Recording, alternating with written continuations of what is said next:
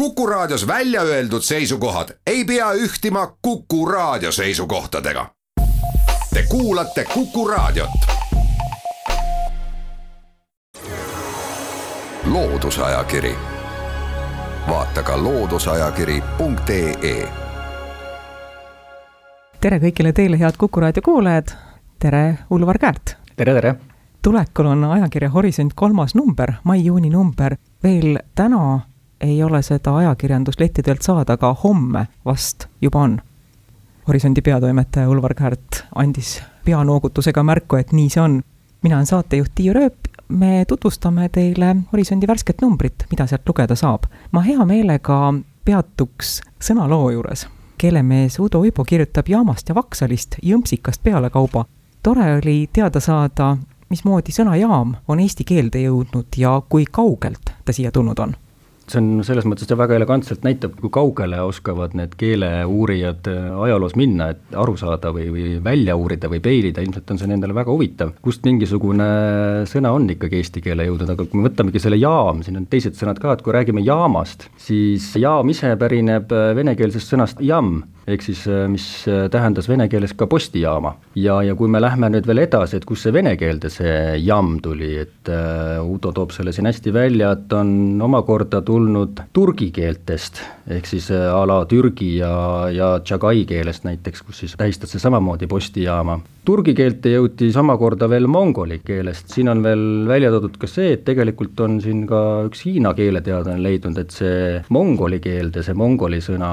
samm on tegelikult pärit hoopiski hiina keeltest. Nii et kui järgmine kord keegi kuskile bussijaama läheb või rongijaama läheb, et siis äh, võiks selle peale mõelda meie liigume ajakirja Horisont tutvustamisega edasi. molekulaarbioloog Ülar Allas kirjutab vaktsineerimise eelkäijast, variolatsioonist ja minu jaoks oli huvitav lugeda seda, kuidas kirikutegelased ja ka arstid Euroopas suhtusid variolatsiooni kui rumalate Türgi naiste meetodisse, kuidas sellesse üleolev oli see suhtumine jah, ja tegelikult see on ju üdini inimlik, kui nii võtta, et kõik uus äh, on alati tekitanud ju tohutult suurt umbusku ja kui me vaatame ka näiteks, et ei olnud need lihtsalt inimesed, kes seda umbusku tundsid sellise uue ravivõimaluse või kuidas ennast võugete eest kaitsta saaks sellise võimaluse ees, et ka kirikutegelased ise pidasid seda Inglismaal äh, suisa moraalivastaseks ja kuratlikuks asjaks, varioleerimist siis, ehk siis tekitada sellist rõugekärnadest saadud sellise lima inimese nakatamist, et tekiks immuunsus, et äh, kas see oleks siis laps või mõned tähtsad äh, ülikud, et nad päris rõugete nahka, rõugete pärast loojakarja ei läheks, vaid et saaks siis sellise kergema läbipõdemisega immuunsuse selle haiguse vastu. aga jah, ei midagi uut, tänapäevalgi ütleme selles koroona kontekstis vaatame, et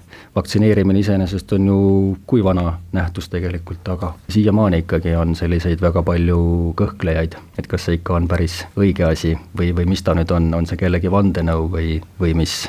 ka Eesti on ta siin ära toonud väga huvitavat et äh, Eestis äh, rakendas esimest korda variolatsiooni Tartu arst August Wilhelm Schulnius ja, ja nagu kinnitab baltisaksa ajaloolane Friedrich Konrad äh, Kadebusch, olevat raadimõisnik tuhande seitsmesaja viiekümne kuuendal aastal lubanud Sulniusel seda meetodit katsetada kahe pärisorjast talupoja laste peal. ja kui ta nägi, et pärisorja talupoja lapsed nagu ära ei surnud, siis ta julges lasta sellel Sulniusel ka enda lastele rõuged panna. tänu sellele algatusele siis Sulniuse käe all immuniseeriti Liivimaal üle tuhande aadlisoost lapse nii et ei ole ka Eestimaadel see päris tundmatu tegevus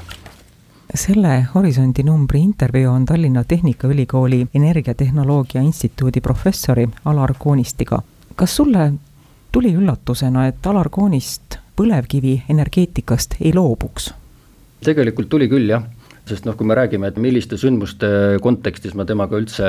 intervjuud tahtsin teha või rääkida nagu, et ju Euroopa Liit on võtnud endale suure ülla eesmärgi rohepööret äh, teha majanduses, ehk siis äh, aastaks kaks tuhat kolmkümmend juba peaksime vähendama kasvuhoonegaaside ehk siis eeskätt CO2 heidet äh, viiskümmend viis protsenti võrreldes üheksakümne aasta tasemega ja, ja kaks tuhat viiskümmend aastaks tahavad Euroopa Liidu riigid siis jõuda juba kliimaneutraalse ehk siis täiesti süsinikuvaba majanduseni. aga et kuna energeetika on üks selline valdkond, kust pärineb noh, Eesti näitel üheksakümmend protsenti meie süsinikdioksiidi heited, heidetest, et siis see on see valdkond, kus peaks midagi midagi väga põhimõtteliselt muutuma. et kui ma läksingi selle Alariga juttu rääkima või teda usutlema, et siis noh, ma mõtlesingi, et veeretamegi, räägime kõigest sellest tuuleenergeetikast ja päikeseenergeetikast ja vesinikuenergeetikast ja tuumajaamast, et kõigest, millest räägitakse ka veel, hüdropumpjaamadest, aga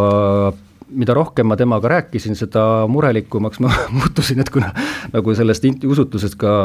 korduvalt ja korduvalt tema suust maha lipsab, et äh, tegelikult meil ei ole põlevkivienergeetika asemele ühtegi head varianti, ühtegi alternatiivset head lahendust, mis tagaks meile sellise olukorra, et meil on iga hetk elekter võtta, et äh, kui me räägime tuulest või päikesest, siis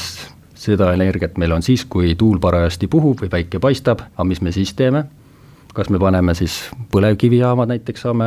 käima panna või siis on, eks ju, alternatiiv, mida räägivad meil Eestis ringi käivad tuumamehed, ütlevad, et aga rajame tuumajaama, et milles küsimus ja me võime sellest pahast-pahast põlevkivist loobuda. aga nagu Alar Kaunistele ütleb insenerina, energeetikainsenerina, et tema on selle tuumajaama projekti suhtes ka väga skeptiline, et see tehnoloogia, mida Fermi Energia näiteks äh, esitleb siin, millist võiks rakendada Eestis, et tegelikult see tehnoloogia pole üldsegi valmis. et kui siin räägitakse tehnoloogia tehnoloogia valmisoleku, et kuskil siis tase kuus, et rakendada saaks seda kui see oleks tase seitse, eks ju, selline minireaktorite tehnoloogia, aga töökindluses võime päris kindlad olla, et midagi ei juhtu halba näiteks, et siis, kui see on tase üheksa saavutatud. aga kui me räägime nüüd siin ajaraamidest, et kaks tuhat kolmkümmend või kaks tuhat viiskümmend, siis sellise tehnoloogia arengu puhul on see lihtsalt võimatu nagu, et nii kaugele me jõuame. ehk siis ta ütlebki, et kui me tahame siin enda energiajulgeolekut tagada, et me ei peaks näiteks venelaste käest elektrit ostma või soomlaste või naabrite käest, nagu me praegu teeme siin, et minu jaoks oli juba see tegelikult üllatav fakt, et eelmisel aastal Eesti importis ligi pool oma elektrist, ehk siis nelikümmend kolm protsenti ja see pani mind nagu üllatama juba, et äh, siis noh, kui me räägime veel vesinikust, et räägime, et on tulevikuenergia, vesinikuenergia, siis jälle, mis mind nagu jahmatas, oli see, et äh, selleks, et äh, probleem on selles, et me ei oska seda nagu nii hästi toota, et selleks, et toota üks teravatt vesinikuenergiat, tuleb meil endal panna sellesse üks koma neli terabaiti elektrienergiat. ehk siis meil peaks olema tohutu elektriüleküllus, et sellist tehnoloogiat rakendada jälle ei ole hea. ja kui me räägime ka veel gaasist, mida siis näiteks Saksamaal näiteks nimetatakse, kus siis vananevatest tuumajaamadest ollakse loobumas ja, ja vananeva tehnoloogiaga söejaamadest, et võtame siis ülemineku kütusena gaasi kasutusele, aga nagu Alar Konistele välja toob, et kui me tahame olla päris sõltumatud, et me ei langeks näiteks siis a la Vene gaasist sõltuvusse või näiteks USA sellest äh, veeldatud gaasist energeetikast sõltuvusse, mis ei ole üldsegi hea, et siis meil on enda oma hea kütus, meil on oma hea oskusteave, meil on omad koolitatud töötajad, et miks me siis selle põlevkivienergeetika justkui nii kiiresti oleme enda jaoks välistamas. tuleks äh, panustada põlevkivi uutesse tehnoloogiatesse, mis oleks hulga keskkonnasõbralikumad ja seda oleks võimalik nagu probleemi, ütleme ka seda põlevkivienergeetikat oleks võimalik muuta kliimasõbralikumaks. ta räägib ka tegelikult nendest erilistest uudsetest süsiniku püüdmise ja süsiniku ladustamise tehnoloogiatest, et millega siis põlevkivist endast võtta see süsinik välja või siis ütleme sealt korstna otsast need äh, CO2 nagu heide eemaldada ja näiteks a la, kuhu me siis me selle paneme, selle CO2, mitte Coca-Colasse või mineraalvette, vaid et seda siis saaks näiteks matta Norras ütleme nendesse vanadesse ammendunud Põhjamere alustesse naftamaardlatesse, kus on juba sellised erilised hoidlad juba valmis tehtud. aga jah, nagu ta ütleb, tegelikult see lõpptulemus on ikkagi see, et see meie enda kütus, põlevkivi, oleks tegelikult sellise julgeolekuga, energiajulgeoleku tagamise puhul täiesti asendamatu. meil on aeg teha jutuajamisse väikene paus. loodusajakiri, vaata ka looduseajakiri.ee loodusajakiri tuli pausilt tagasi. kuku raadio stuudios on ajakirja Horisont peatoimetaja Ulvar Käärt. saatejuht on Tiiu Rööp. me jätkame Horisondi mai-juuni numbri sisu tutvustamist sealt, kus see enne pausi pooleli jäi. ajaloolane Mart Kuldkepp teeb ülevaate Eesti Vabariigi astumisest maailmapoliitikasse kakskümmend kaks september on see päev, kui me saame tähistada saja aasta möödumist Eesti liitumisest Rahvaste Liiduga. Ja siit me saame teada, et ega see meie tee sinna liidu liikmeks ei olnud äh, sugugi sile ilma konarusteta ning äh, üks äh, liitumiskõnelustel käinutest kindral Laidoner on ka öelnud, et see seisukord on meil siin väga vastik, minul isiklikult käib see väga närvide peale no just, ja tegelikult Mart Kulkep toob selle väga elegantselt välja jälle, selle tausta, et miks see seis oli selline justkui lootusetu, et noh üldse, et miks Eesti tahtis saada sellise Rahvasteliidu liikmeks, oli ikkagi see, et esimese ilmasõja tuules ja järellainetustes olid, ütleme, Ida-Euroopas ju kõik sellised rahvusriigid, kes siis äh, muuhulgas ka siis Eesti, kes sai iseseisvaks ja ta otsis nagu väga-väga püüdlikult endal teiste selliste maailma vanade riikide tunnustust, et sellesse organisatsiooni kuulumine oleks tõstnud nii-öelda Eesti poliitilist staatust ja, ja muutnud nagu teistega riikidega niisuguseks äh, samaväärseks sisuliselt. aga miks, ütleme, alguses Rahvasteliidu sellised äh, mõjuvõimsamad riigid, ütleme, vanad Prantsusmaad või olid need Inglismaa või kes seal ees olid nii-öelda olemas ja kelle heakskiitu oli sellele asjale vaja, oli ikkagi see, et äh, sisimas lootsid nad veel ikkagi, et endiselt Tsaari-Venemaal valged väed ikkagi võidavad lõpuks punased ja et see endine olukord kõik taastub lihtsalt ja, ja ei ole, ei maksa neid suhteid siin arendada uute riikidega. aga niipea, kui valged väed said lõplikult lüüa, siis äh, riikide suhtumine kohe muutuski ja Eesti saigi siis septembris lõpuks Rahvasteliidu liikmeks. noh, ja tegelikult mis sellest Eesti sai, ikkagi seda, et eeskätt, et sõdadevahelisel ajal, ehk siis enne teist ilmasõda oli Eestil selline, kuidas öelda, diplomaatiline, välispoliitiline selline tõsiseltvõetav tegija oli nagu kõigi teiste riikide kõrval. leidsime ajakirja Horisont värsket numbrit edasi. Andi Hektor ja Kristjan Kannike kirjutavad rubriigis Sündmuste horisondil müüoni magnetmomendi mõistatusest. Ain Kallis kirjutab ilmast ja selle parandajatest, aga sellest horisondist leiab ka uue artiklite sarja esimese loo. see artiklite sari tuleb Eesti toidukultuurist, esimeses loos kirjutatakse Tallinna Naiskutsekoolist jah, tegelikult kui me selle toidukultuuri on ju see, mida me kuidagi väga, millega me hästi suhestume, aga kui me vaatame sinna ajas tagasi, et mis on seda mõjutanud, ütleme, mille viljasid me näeme tänapäevani veel enda toidulaual, et huvitav on seda teada saada ja, ja kui me vaatame seda Tallinna Naiskutsekooli õpilase konspekti, kelle nimi siis oli, see on seitsmeteistaastane Marie Vestenberg, kelle konspekte siis Anu Kannike ja Ester Pardone sirvivad ja ütleme, põnevamaid asju sellest või tähelepanuväärsemaid asju välja toovad, et siis tegelikult selline konspekt pakubki sellist lähivaadet või otsevaadet kohe sellesse köögikultuuri, et mida siis väärtustati, mida peeti oluliseks, milliseid roogasid või, või ütleme, kuidas üldse see söögi tegemine, mida need naised pidid siis kutsekoolis äh, õppima, sest hea perenaine ei pidanud olema lihtsalt äh, mitte püüdlik ja usin, vaid ta pidi ka tollaste arusaamade järgi kahekümnenda sajandi alguses olema ka selline asjatundlik juba, ehk siis tuli kõike õpetada, kuidas kõike õigesti peab tegema milline näiteks pidi olema siis äh, köök näiteks, ideaalne köök tollal, no see juba läheb tänapäeva sellise põhjamaise disainköögi vaimus nagu justkui ka, et äh, köök pidi olema valgusküllane, praktiliselt sisustatud ja kergesti puhastatav ja köök pidi ka kena välja nägema ja seetõttu soovitati inetumad nõud paigutada kinnisesse kappi. ja, ja siis tegelikult, mis mulle endale sellest loost tuli üllatusena, et äh, millist toitu tollal propageeriti. väga palju tähelepanu pöörati, et inimesed võiksid äh, rohkem kasutada toidulaual taimset toitu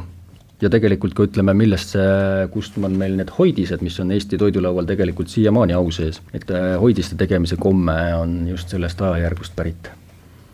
sellest Horisondi numbrist, Horisondi mai-juuni numbrist saab alguse veel üks lühiartiklite sari. see on bioloogia filosoofiast, selles numbris kirjutab Edith Talpsepp, Tartu Ülikooli teadusfilosoofia teadur liigi probleemist. kõrvalseisja jaoks võib-olla liik, see on ju midagi sellist kindlat ja lihtsalt defineeritavat. no just nimelt kui te loete artikli läbi, siis tuleb välja, et ei ole see lihtsalt mitte midagi. Need asjad võivad tegelikult väga keerulised olla ja loed ja imestad aga lehitseme ajakirja Horisont äh, värsket numbrit edasi ja siit leiab järgmise loo, mis on toonud Horisondi kaanepildiks kauni porgandi. Grete Arbo kes uuris Tartu Ülikooli Tehnoloogia Instituudis Eestis kasvatatavate juurviljade bakterite kooslusi. ta kaitses ka sellel teemal oma magistritöö. ta kirjutab taimsest toidust kui vahelülist inimese ja mulla mikroobide vahel. seda lugedes saame teada, mida kasulikku me saame, kui me sööme taimset toitu jah, ja tegelikult ütleme, see ju, see suur mõte ja tuleb, mis sellest loost välja koorub, on see, et see, mis on mullas, need kasulikud bakterid, no muidugi ka need, kes võivad meile kahju teha, aga tegelikult mullast jõuavad läbi taimede kaudu, kui me sööme taimi, on see siis toores porgand või, või kaalikas või, või mis me sealt näiteks äh, aiamaal kasvatame, et sedakaudu me saame need enda organismi ja kui me räägime, eks ju, meist inimesest, meie organismist, et siis on ju veel omaette organiks peetakse seda